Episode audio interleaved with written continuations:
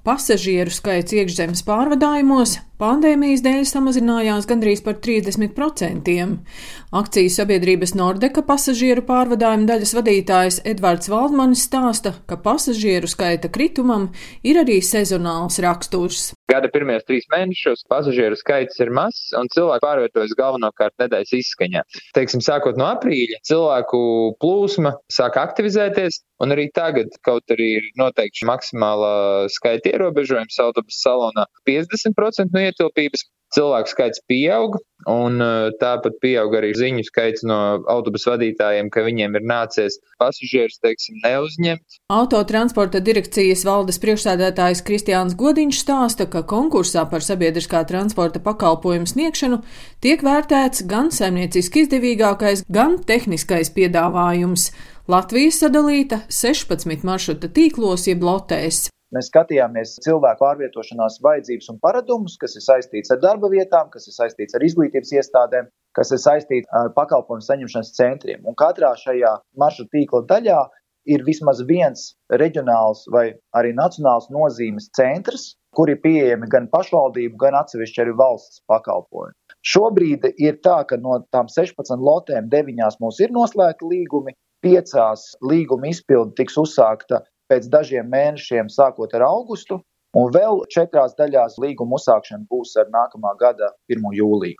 Vairākos maršrutos mainīsies līdzinējie pārvadātāji, piemēram, Nordeka, kas nodrošina 25% no visiem reģionālajiem un starppilsētu pārvadājumiem, turpmāk pasažierus vedīs arī uz Pierīgu, Bausku, Cēsīm, Limbažiem un Siguldu.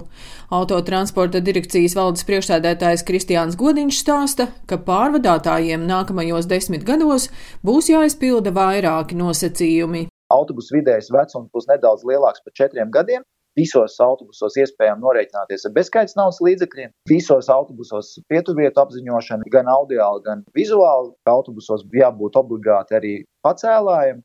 Un 68% no visiem autobusiem būs uzstādīts, un arī gandrīz 40% būs iespēja arī pārvietot uh, velospēdus. Un no visa autobusu parka 9% būs tādi, kas ir darbināti ar elektrodzinēju bezizmešu transporta līdzekļu prasības pret kvalitāti ir stingrākas, bet tās ir vienojošākas. Jo šobrīd ir visai daudzas vietas, kur, diemžēl, tā kvalitāte visai būtiski atšķirās, lai gan cilvēki maksā vienu to pašu braukšanas maksu. Nordeka pārstāvis Edvards Valdmanis stāsta, ka 2019. gadā apstrīdējuši prasību par vietu autobusā diviem ratiņkrēsliem. Šī prasība arī nolikumā nav iekļauta. Tā kā līgums par sabiedriskā transporta pakalpojumu sniegšanu tiek slēgts uz desmit gadiem, grūtāk izpildāmā prasība būšot autobusu vidējais vecums. Mums ir jāuztur relatīvi zems šis vidējais vecuma rādītājs. Tas nozīmē, ka mums diezgan ātri jau ir transporta līdzekļi jārealizē un viņa vietā jāiegādās jauni. Tas, principā, ir tāds būtiskākais risks šī pašā kontekstā. Mēs nezinām, kas saistībā ar ekoloģijas prasībām mūs kā pārvadātājus piemeklēs pēc gada, pieciem, kur nu vēl pēc desmit. Iespējams, šīs zaļās normas, kuras būs jāievēro vēl vairāk, tās varbūt mums radīs papildu apgrūtinājumu. Bet attiecībā par tām prasībām, kas, teiksim, ir uz rātīnkrēslu vietām, uz velo turētājiem, uz vietu paziņošanas sistēmām, mēs jau tagad varētu teikt, ka izpildam līdzvērtīgas prasības. Veiktas izmaiņas sabiedriskā transporta pakalpojumu likumā, kas paredz ieviest gan komercreisus bez valsts dotācijām, gan bezmaksas sabiedrisko transportu.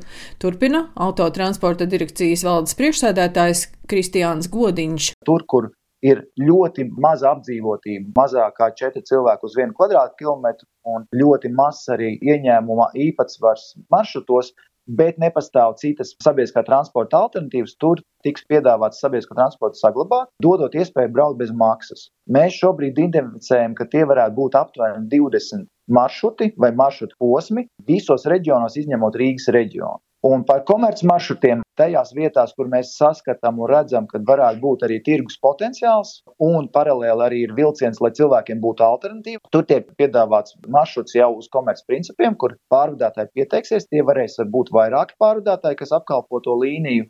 Un uh, viņi brauks pēc principa, ka paši nosaka cenu par braucienu, konkurē ar citiem, un valsts nepiedalās ar dotāciju un finansējumu. Tā doma ir, ka tas varētu sākties ar šī gada otru pusi un vairāk skartu pierīgu un uh, tālā līnija būtu Rīga Daugopils, bet mēs skatāmies, kā mums veiksies ar Covid situāciju, jo skaidrs, ka pastāv tas variants, ka vienkārši biznesa nebūs gatavs uz šādiem nosacījumiem. Konkurss par sabiedriskā transporta pakalpojumu nodrošināšanu septiņos maršrutos turpināsies līdz šī gada 30. jūnijam.